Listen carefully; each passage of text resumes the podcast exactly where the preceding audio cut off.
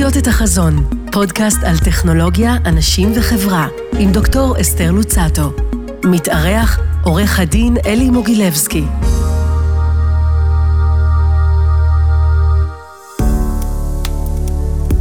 שלום לכם, אתם מאזינים לעונה שנייה של לחיות את החזון, איתי דוקטור אתי לוצטו, כאן ברדיוס 100 FM. מדי שבוע אנחנו מדברים בפודקאסט על חדשנות טכנולוגית ועל אנשים שעומדים מאחורי המיזמים הגדולים שמשפיעים על החברה ומשנים את חיינו. אתם יכולים להאזין לנו במגוון פלטפורמות, באפליקציה, באתר, בספוטיפיי, באפל פודקאסט, בגוגל פודקאסט של רדיוס 100 FM, והפעם יש לי את העונג לארח את עורך דין אלי מוגילבסקי. אלי הוא מנכ"ל המרכז להעצמת האזרח. אלי מילא שורה של תפקידים בשירות הציבורי, ביניהם ראש מטה השרה לשוויון חברתי, יועץ מקצועי למנכ"לי משרד המשפטים, ומוביל תוכנית האצה דיגיטלית במשרד המשפטים ובתפקידים מקצועיים נוספים. אז ככה זה על רגל אחת להציג אותך, אבל אנחנו תוך כדי אה, התוכנית, הפודקאסט, אנחנו נתוודע יותר אה, לדברים שאתה עושה. אה, וכשאלה, אולי כפתיח, מאחר ואתה בא אה, מעולמות, בעצם מכמה עולמות. גם מהעניין המקצועי, בשירות המדינה, או נניח כאחד ששירת במשרד המשפטים, אחד המשרדים החשובים במדינת ישראל, וגם אחד שעושה גם פעילות חברתית חשובה, איך אתה היום, שאתה מסתכל על המצב בחברה היום הישראלית, מנקודת המבט שלך, שגם כאזרח שעושה פעילות חברתית וגם כמישהו שבא מתוך המערכת, איך אתה מתייחס לתהליכים שאותם אנחנו עוברים היום?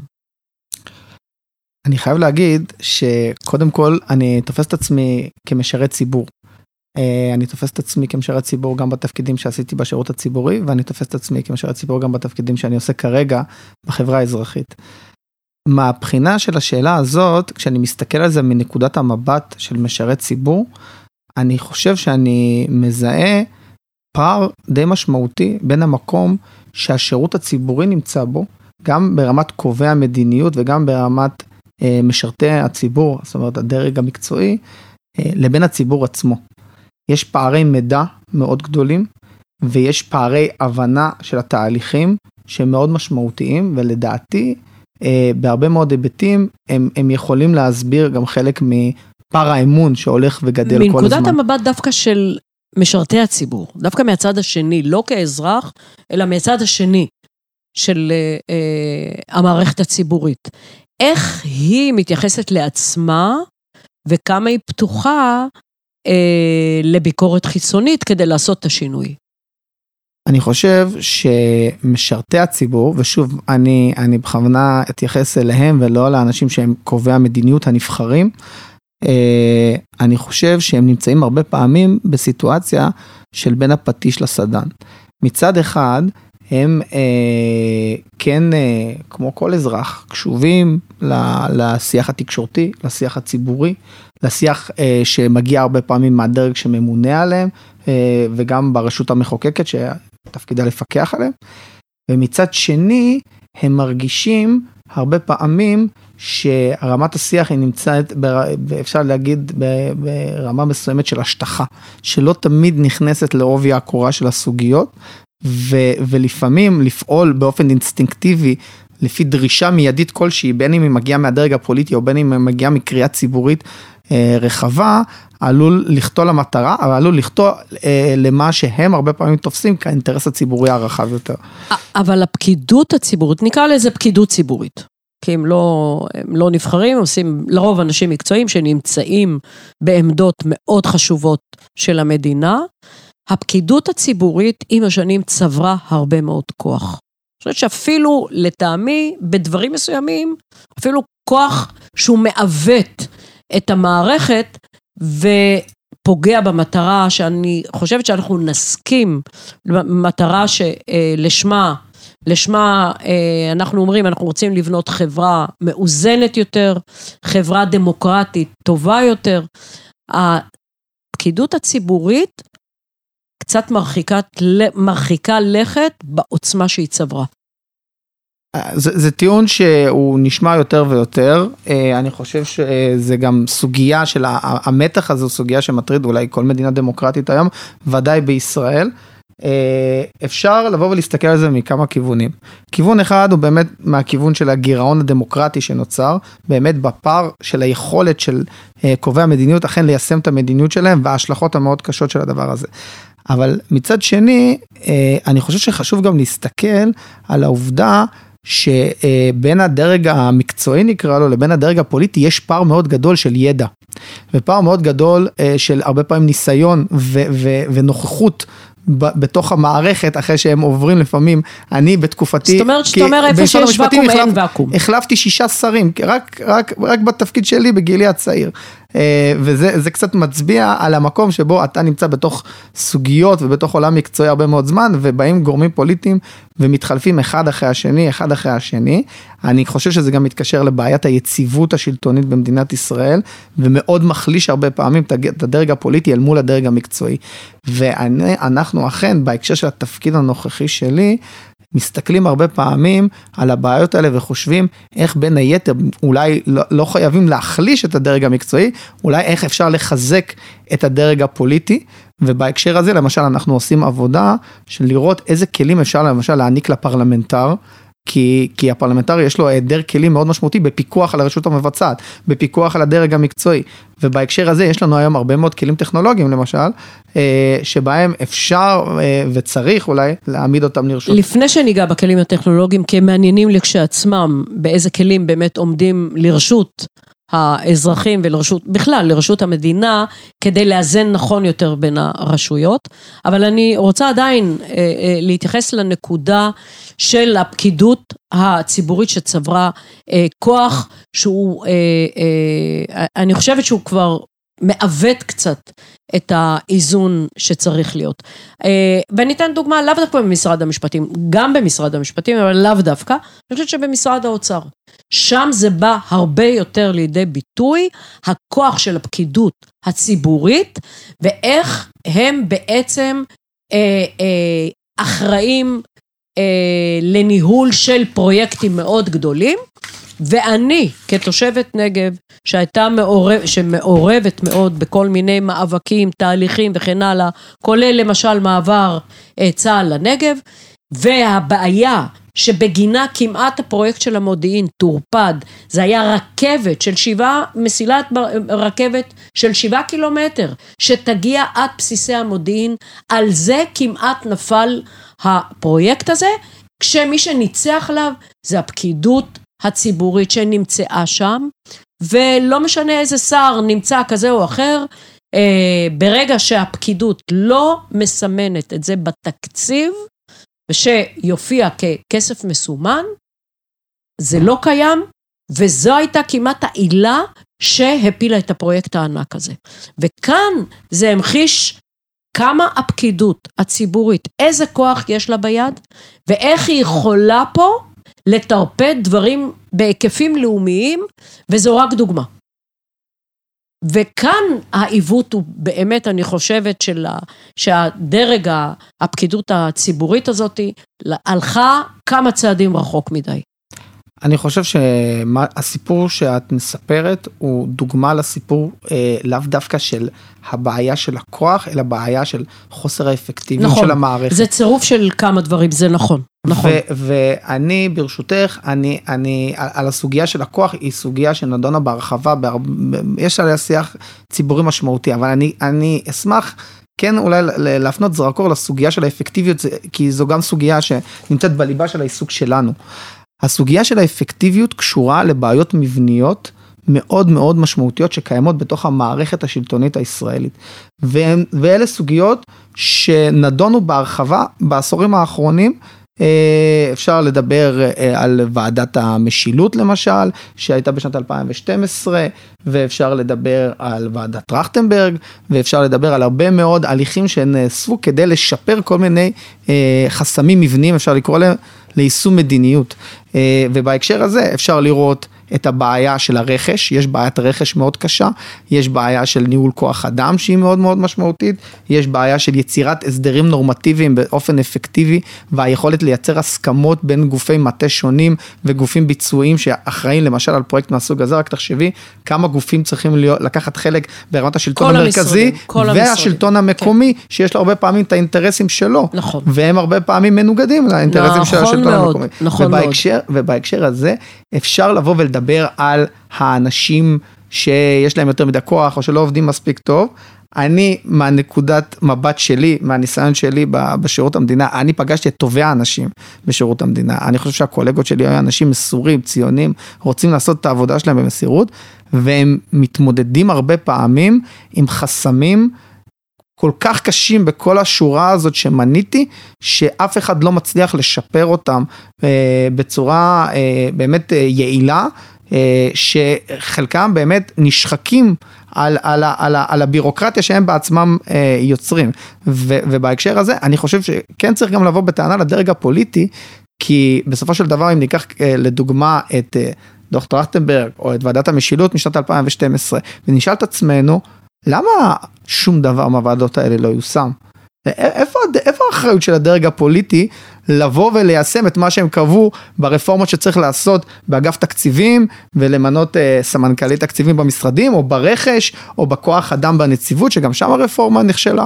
הבעיות האלה היו תוצאה של חוסר גיבוי של הדרג הפוליטי. אז היום, כדי להסתכל בצורה פרקטית, לבוא ולהגיד, אוקיי, יש את הבעיות, אנחנו, הסיטואציה או המצב הוא באמת מורכב. מה היום, במגבלות, וכמו שאתה מבין, ואתה גם פה וגם שם וכן הלאה, מה אתה חושב שצריך לעשות כדי להביא לאיזשהו שינוי? אני חושב... שהוא יהיה מורגש גם. ב... אני חושב שאנחנו עכשיו מתאוששים ממשבר ענק, שאני מקווה שאנחנו באמת נמצאים לקראת הסוף של המשבר ולא לקראת המשבר האמיתי, אה, והוא תוצאה של אה, ניסיונות מכל הצדדים לכפות את התפיסה שלהם בהקשרים של, ה, של היחסים בין הדרך המקצועי, בין הדרג המקצועי לדרג הפוליטי. היו הרבה מאוד ניסיונות שבהם אני, אני חושב שזה לא סוד שהדרג המקצועי התנהל בצורה מאוד כוחנית ובלם שינוי ובלם רפורמה וזה לא סוד זה קרה הרבה מאוד פעמים בעשרות השנים האחרונות ומצד שני אנחנו עכשיו אחרי אה, איזשהו סבב מאוד קשה של ניסיון באמת אה, לכופף את הדרג המקצועי בכל מיני היבטים, וגם זה לא עבד. והדבר הזה לא משרת את אה, אזרחי ואזרחיות מדינת ישראל בצורה טובה. ולכן אני מרגיש שהתפקיד שלנו בחברה האזרחית כאזרחים מעורבים זה לבוא ולרתום כלים חדשים שינסו אולי למשל. לגשר אה, על הפער הזה. איזה כלים אז, חדשים? אז, אז בהקשר הזה, קודם כל בואו נתחיל לדבר על, על פערי המידע והידע. אה, שקיימים. אני חושב שבדרג הנבחר יש פער עצום, עצום אל מול הידע שקיים בדרג המקצועי. אם ניקח למשל אה, את ועדות הכנסת כדוגמה, ועדות הכנסת, אחד מתפקידיהם העיקריים בכלל של בית הנבחרים הישראלי, הוא לפקח על הרשות המבצעת במסגרת הסדרים אה, של, אה, של הרשויות במדינת ישראל והפרדת הרשויות במדינת ישראל. בפועל אנחנו יודעים שזה לא קורה. אנחנו, לא, אנחנו יודעים שזה לא קורה אה, בין היתר בגלל למה? ש... כי אין להם את הכלים אין להם את לטפל הכלים. בנושא? אין להם את הכלים להבין בכלל מה קורה עם המדיניות. אחד הדברים שה, אה, שהמרכז להעצמת האזרח עושה מזה שנים, הוא לקחת החלטות ממשלה, שזה כלי המדיניות אולי החשוב ביותר, מתקבלות אלפי החלטות ממשלה כל הזמן, ואנחנו יודעים שלפני לא הרבה שנים היינו במצב שבו בערך 50% מהחלטות הממשלה מיושמות. איזה כלי יש לחבר הכנסת להבין האם החלטה מיושמת בשטח, או שהיא תקועה איפשהו בצינורות הרכש, בצינורות הכוח אדם, בצינורות התקציב. אז איפה הכשלים נניח במערכות, נניח ביחס למדינות אחרות? למה שם זה, זה כנראה, בחלק מהמדינות האחרות, זה עובד כנראה יותר טוב? איפה הכשלים שלנו? קודם כל, הקורונה לימדה אותנו שהרבה מאוד דברים לא בהכרח עובדים יותר טוב במקומות אחרים, והמערכת שלנו לאו דווקא היא הכי גרועה, גם יחסית למדינות שאנחנו תופסים כמתקדמות. ועם זאת, אני חושב שמדינות אחרות עשו תהליכים מדהימים של רתימת הטכנולוגיה, גם לשיפור האמון, גם לשיפור השירות וגם לשיפור היכולת קבלת ההחלטות. הטכנולוגיה יכולה לתרום קודם כל על בסיס זה שיותר קל לייצר מדדים אה, ו- ויעדים שהם תוצאתיים ואפקטיביים, ולהבין יותר טוב מה הצרכים של הציבור. דוגמה, תן לי דוגמאות. אני אקח דוגמה, אה, אני מגיע ממערכת המשפט, אז אני אלך למקומות שנוחים לי ו- ו- וקלים לי. אה, הרבה מאוד תהליכים והרבה מאוד החלטות מדיניות, שלפעמים החלטות של מיליארדים, ומשפיעות גם על מיליוני אנשים, מתקבלות ללא בסיס הדאטה הנדרש. כדי לקבל את ההחלטה, כדי שההחלטה תהיה מבוססת נתונים, ועל מנת שהפתרון שיוצע לכל מיני בעיות... תן לי דוגמה. אז אני, אז, אני, אז אני ממש נותן דוגמה קונקרטית. אה, כשאנחנו באים ו, וחושבים למשל על מדיניות אכיפה אפקטיבית, אנחנו יודעים מה בעצם מייצר אמון של הציבור, מה בעצם מצליח לצמצם תופעה, מה עבד, מה לא עבד, באמצעות פרויקטי דאטה ויכולת ליצור תשתית דאטה ואסטרטגיה דאטה של משרדים ותשתית שבאמצעותה אפשר לקבל החלטות ולמדוד אחר כך איך הם השפיעו במהלך השנים ואז להחליט כיצד רוצים לייצר את המדיניות ההמשכית, כי בדרך כלל אנחנו בבלוקים של מדיניות של 4-5 שנים, שמהם אנחנו מתקדמים, תקצוב בדרך כלל דו שנתי, תלת שנתי וכדומה. אם יש אסטרטגיית דאטה לגוף ציבורי, ההחלטות שלו יכולות להיות... מה המשמעות אסטרטגיית דאטה? לא... המשמעות של אסטרטגיה, המשמעות של אסטרטגיית דאטה היא לבנות א', תשתית טכנולוגית, ב', להביא גורמי מקצוע, שהתפקיד שלהם הוא לאגור מידע בנושאים שמעניינים את מקבלי ההחלטות, בדרג הפוליטי, אבל גם בדרג הניהולי, ולייצר להם בעצם פלטפורמה של דשבורד שהם יכולים להבין על נקודות שמעניינות אותם, כיצד המדיניות שלהם השפיעה. אם למשל אנחנו מתעסקים היום בפתרון בעיות בחברה הערבית, אנחנו יודעים שאחת הבעיות הכי גדולות בהקשר של האלימות והפשיעה בחברה הערבית, הוא רמת, האלימ, אה, רמת האמון שהרבה מאוד אנשים בחברה הערבית רוכשים כלפי גופי האכיפה. האם אנחנו, האם אנחנו, איך אנחנו נדע שעוד ארבע שנים שיפרנו את רמת האמון, אם לא נתחיל לאסוף כבר מעכשיו את המידע הזה ולשמר אותו במערכת ולהנגיש אותו למקבלי ההחלטות באופן הכי בסיסי ויומיומי? אז אני אשאל אותך שאלה מנגד, זאת אומרת, אני חושבת שהיום, בעיקר בעידן של היום, הדאטה נמצאת, ומי שירצה, אה, שר כזה או אחר, אה, זה ישים איש של, אה, שיודע לנהל דאטה, את ה big data, מהר יכול להשתלט על העניין הזה, אבל, ונניח שזה יהיה. ב- ב- השאלה היא יותר בסיסית. האם הדרג הפוליטי בעצם סובל מזה שהאנשים הפחות מוכשרים מגיעים לשם, והאנשים הפחות טובים מגיעים לשם, ובעצם זו בעיה של האנשים שנמצאים שם, ולא בתת טכנולוגיה או מזה שאין להם... אה, אני ממש לא חושב שהאנשים הלא מתאימים נמצאים שם. אני שוב אומר, אני פגשתי אנשים נהדרים בשירות המדינה, אנשים חרוצים ומוכשרים. אני, אגב, לא בשירות חייב... המדינה, בדרג הפוליטי, חי... אני מתכוונת. אני חייב לחלוק לא עלייך, בשביל... הבנתי, אבל אני חייב לחלוק אני עלייך, שואלת, ברמת כן. הפשטות שאת חושבת ש... כמי שעסק בזה במשך שנים, אני חייב להגיד לך שמה שאת אומרת, לקחת איזה מישהו ולשים והמידע נמצא, יכול להיות שהמידע נמצא, אבל האם הוא מידע מהימן? האם הוא תקף? האם אפשר לעשות בו שימוש? אז אני אומר לך, ליצור את הדברים האלה, אני חושב שאפילו, כנראה את יודעת טוב ממני, שזה ממש לא פשוט. אולי בסקטור העסקי, בסקטור הציבורי, לייצר את התשתיות לא, האלה. מה שאני רציתי להגיד, שהכלים הטכנולוגיים קיימים. מי שירצה להשתמש בהם, יכול להשתמש בהם. הכלים הטכנולוגיים קיימים, וזה אני יודעת. נכון. אני מכירה את העולמות האלה, הכלים הטכנולוגיים קיימים. אז הבעיה היא לא שאין להם מספיק כלים. מישהו שירצה לעשות ולקבל את כל הנתונים ולעשות על זה ניתוחים וכן הלאה, הוא יכול לעשות את זה. זאת לא הבעיה. הבעיה א', של מבנה, של סמכויות ושל אנשים. וכאן השאלה באמת, האם האנשים המתאימים הם אלה שמטפלים מבחינת הדרג הפוליטי. על זה יש לי סמן, כי בדרג המקצועי יש אנשים מקצועיים מצוינים ברמה מאוד גבוהה. זה אני יודעת. רק אני טוענת טענה אחרת, שהם לקחו לעצמם יותר מדי כוח וסמכות.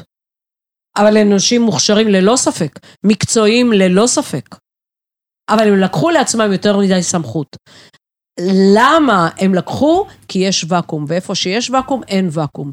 והדרג הפוליטי הוא החלש, ולשם מגיעים אנשים שמבחינת הכלים שיש להם, הם אין להם כלים מספיק טובים.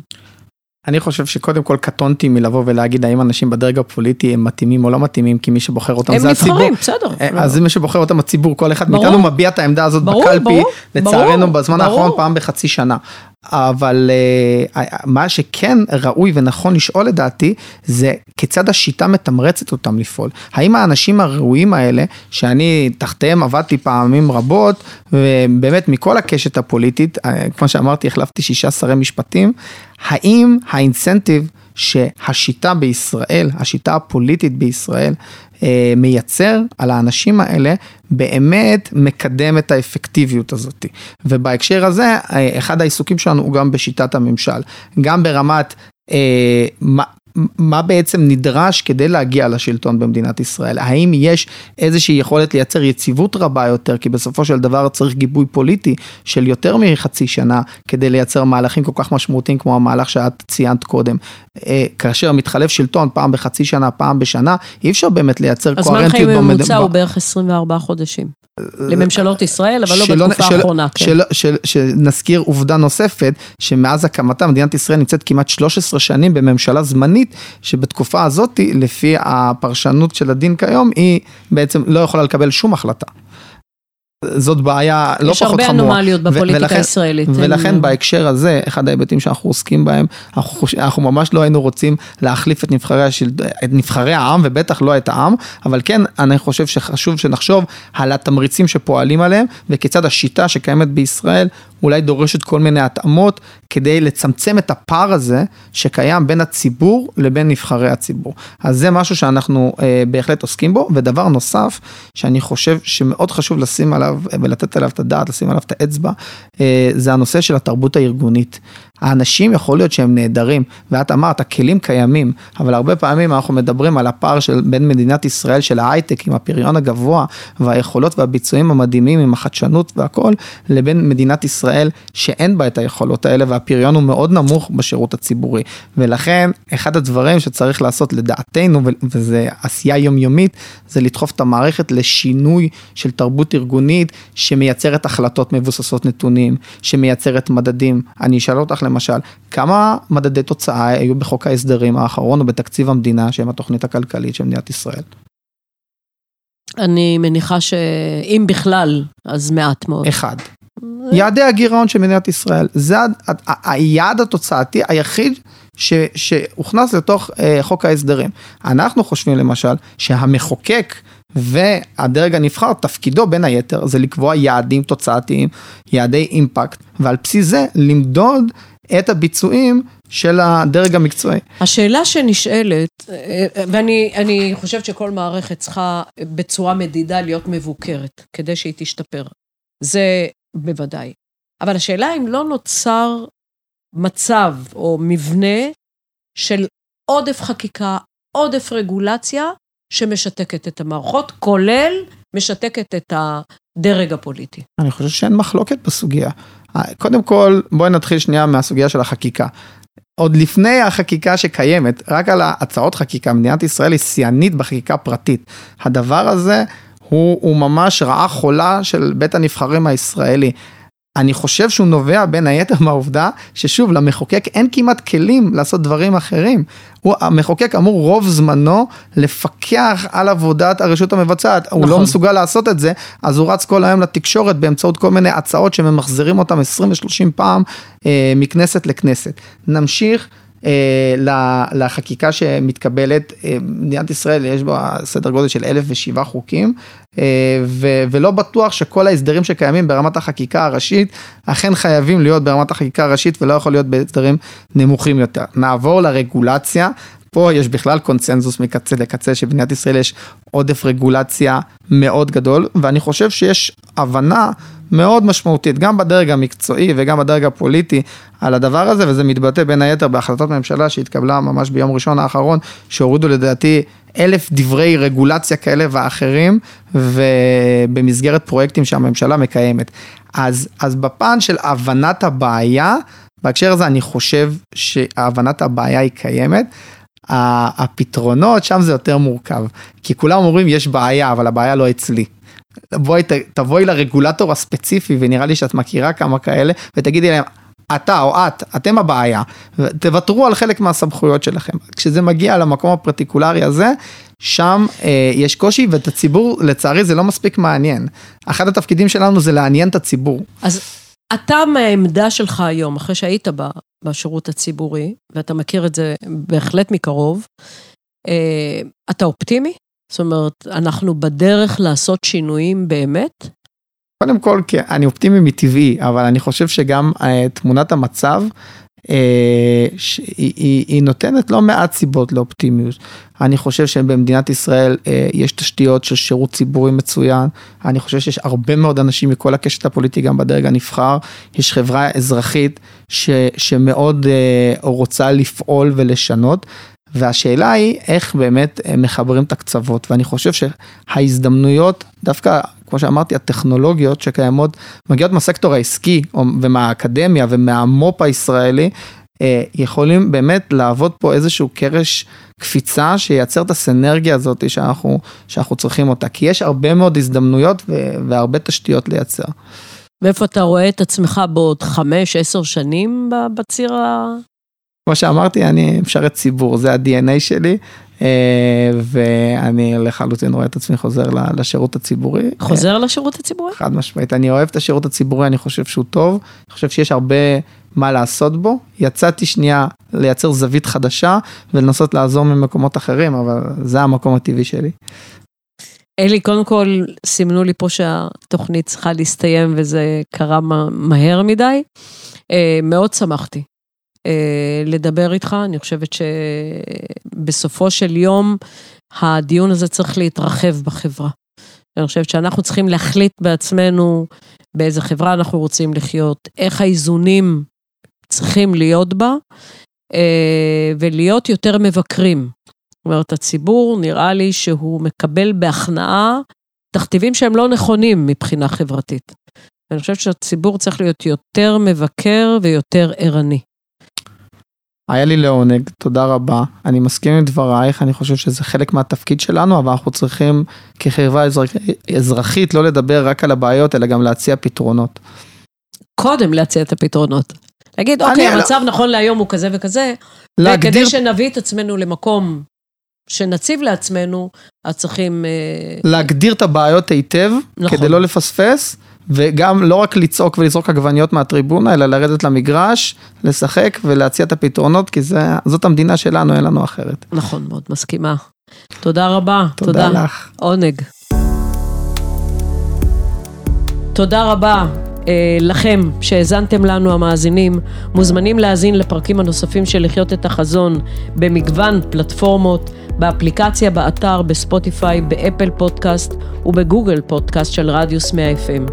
אנחנו מעדכנים בפייסבוק ובאינסטגרם של רדיוס 100 FM שעולה פרק חדש, אז אתם מוזמנים לעקוב. תודה לצוות שלנו כאן באולפן, אני דוקטור אתי לוצטו, נשתמע בפרק הבא של לחיות את החזון.